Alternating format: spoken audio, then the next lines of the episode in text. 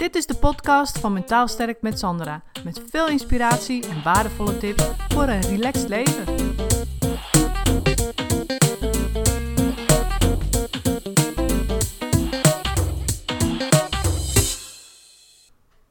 Als je last hebt van perfectionisme, dan ben je waarschijnlijk heel de dag bezig met controle uitoefenen. Je bent heel de dag bezig met jezelf af te remmen, jezelf gevangen te houden. Door je huis op te ruimen, door eh, je, je taak op je werk supergoed te doen, alles picobello in orde te houden.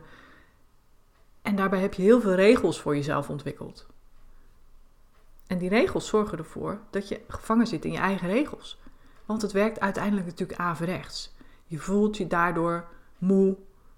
Je geniet niet van waar je eigenlijk allemaal van kan genieten. Maar hoe komt het nou toch dat we zo bezig zijn met die controle, dat we denken dat die regels ons helpen?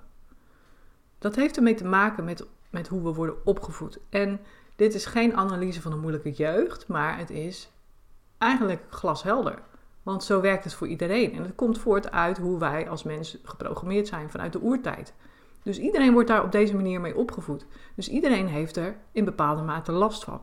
De een meer dan de ander, maar ergens zit het bij ons allemaal diep van binnen. En wat bedoel ik nou precies? Nou, als kind ben je de eerste jaren van je leven totaal onbevangen. Je wordt als baby niet gestoord door de regels van volwassenen, want als kind doe je alles zonder gedachten. Je reageert op een externe prikkel. Als je dus een, eh, een rammelaar ziet, dan word je blij als je die ziet. Of dan ga je lachen. Als je je ouders ziet, word je blij. Als je pijn hebt, dan ga je huilen. Daar zit er niet eerst een hele uh, riedel van gedachten tussen. Van, goh, zeg ik heb pijn onder in mijn rug. Nou, ik ga maar eens even keihard huilen, want dat helpt. Nee, weet je, zo denkt een baby niet. Die doet gewoon. Die zijn gewoon simpel zoals ze zijn. Die zijn, die zijn gewoon. Een kind is, is gewoon zoals die is. En ze zien zichzelf ook niet iets als iets unieks binnen zijn omgeving, maar ervaart dus vooral de omgeving zelf. dus we noemen dat een externe focus. Ze reageren op prikkels van buitenaf. Nou, als kind ben je gewoon. Zonder gedachten, onbevangen en vooral ook ongeremd. Er is geen verstand dat roept wat je wel of niet moet doen. Dus een kind reageert op een prikkel en het zal direct reageren met een emotie. Maar deze spontane, ongeremde, onbevangen manier van doen, die duurt maar kort. Want na anderhalf jaar leer je als kind al dat je niet spontaan mag zijn. Dan beginnen de regels al. Dan leer je al inhouden. Je moet bijvoorbeeld stil zijn als er bezoek is. Je mag niet keihard in de supermarkt gaan staan janken. Je moet uh, opgepaste momenten om eten vragen. Je krijgt allerlei regels te leren. En langzaam maar zeker vormt dat natuurlijk je identiteit. En je krijgt dan ook een interne focus, want een kind gaat dan nadenken. Dus die denkt dan, nou, als ik dit doe, dan gebeurt er dat. Dus door goed na te denken, ga je als kind precies doen waardoor je niet wordt afgewezen. Dus je leert je als kind te gedragen op basis van regels. En het negatieve geloof in onszelf ontstaat Vooral omdat we door negatieve signalen leren wat we wel en niet moeten doen. dus dat je vanaf jongs af aan geleerd hebt om je in te houden. Dus als een kind vervelend is, krijg, krijg je meestal, als je vroeger vervelend was, krijg je meestal door dat je stil moet zijn. Of je niet zo moet aanstellen. Maar wat gebeurt er als je als kind rustig zat te spelen? Dan stoor je niemand. Dan gebeurt er niets.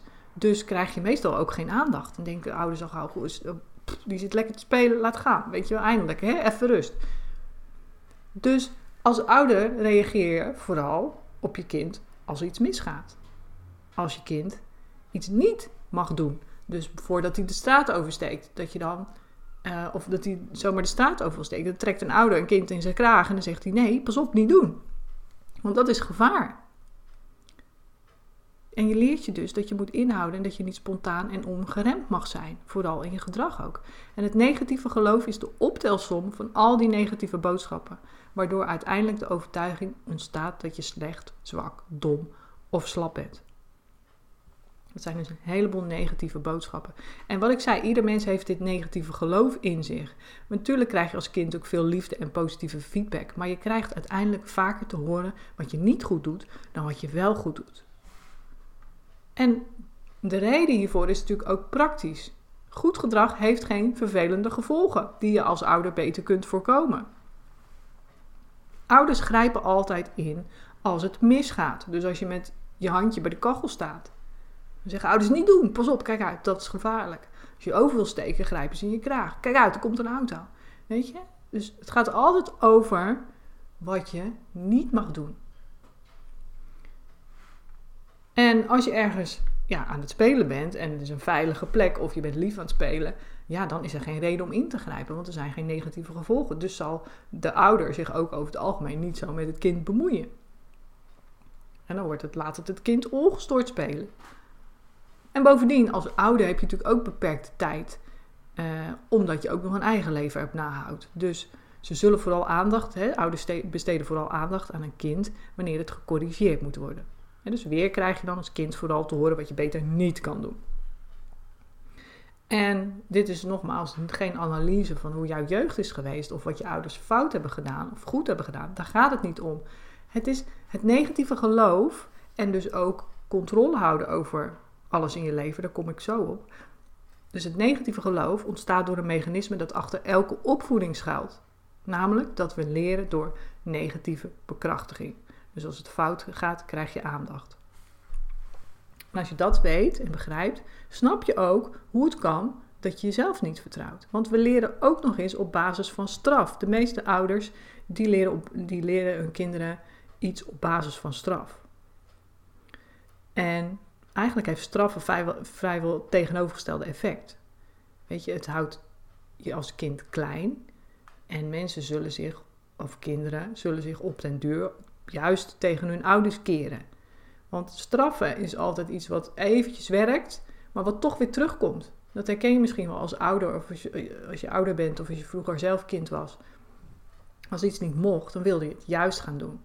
En als het niet mocht, ging je het stiekem doen. En als ze dan achterkwamen, werd je gestraft. Want je had het stiekem en stiekem en gedaan en stiekem gedaan. Weet je wel? Dus straffen helpt altijd maar op korte termijn. Op de lange termijn wordt niemand daar beter van. Dus je leert ook eigenlijk dat je dus op, je leert op basis van straf. En kijk, straffen uit noodzaak, bijvoorbeeld omdat iemand de wet heeft overtreden, is natuurlijk iets anders hè, dan dat je straffen bewust gebruikt om het gedrag van jezelf en anderen te beïnvloeden. Maar weet dat dit straffen dus niet en zelfs averechts werkt. Dus Eigenlijk, als je het goed bekijkt, de belangrijkste oorzaak van de meeste psychische problemen is het geloof, dat negatieve geloof in jezelf. Dus dat je zwak, slecht, dom, slap, waarloos of niet goed genoeg bent. En nu komt het, want waardoor ontwikkel je dus perfectionisme? Door dit geloof.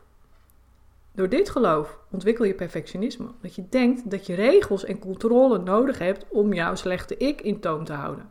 Zodat je geen gekke of domme dingen doet. Daarom ga je al die regels verzinnen. Daarom ga je zoveel moeten van jezelf.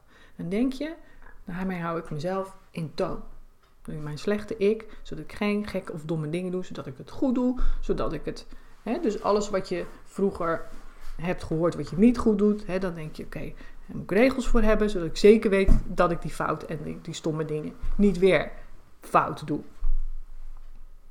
Maar ja, het gevolg is dus dat je vroeg of laat niet aan die veel te strenge en onrealistische regels kunt voldoen.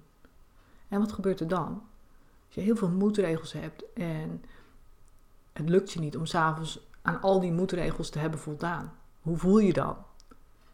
Dan voel je je natuurlijk waardeloos weer. Dan zeg je, zie je wel, ik ben dom, slap, lukt me niet. En dan wordt dus je negatieve geloof juist bevestigd. En omdat je verwoede pogingen om je gedachten en gevoelens te controleren niet werken, concludeer je dus opnieuw dat je zwak, slecht, dom, slap of waardeloos of niet goed genoeg bent. En op deze manier wordt dus het negatieve geloof in jezelf versterkt. En hou je jezelf gevangen in al die regels.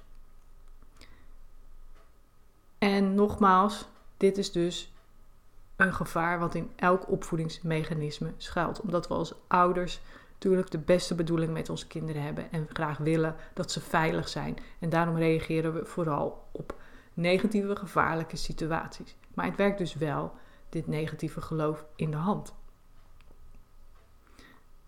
wat ervoor zorgt dat jij als een gevangene leeft binnen je eigen regels. Dus als jij hier los van wilt komen, als jij zegt: Ik wil terug, ik wil ongeremd kunnen leven. Ik wil loskomen van die gevangenis van eigen regels. Daar kun je met mij mee aan de slag. En hoe je dat kunt doen, check dat op mijn website. Dan wens ik je verder een hele fijne dag.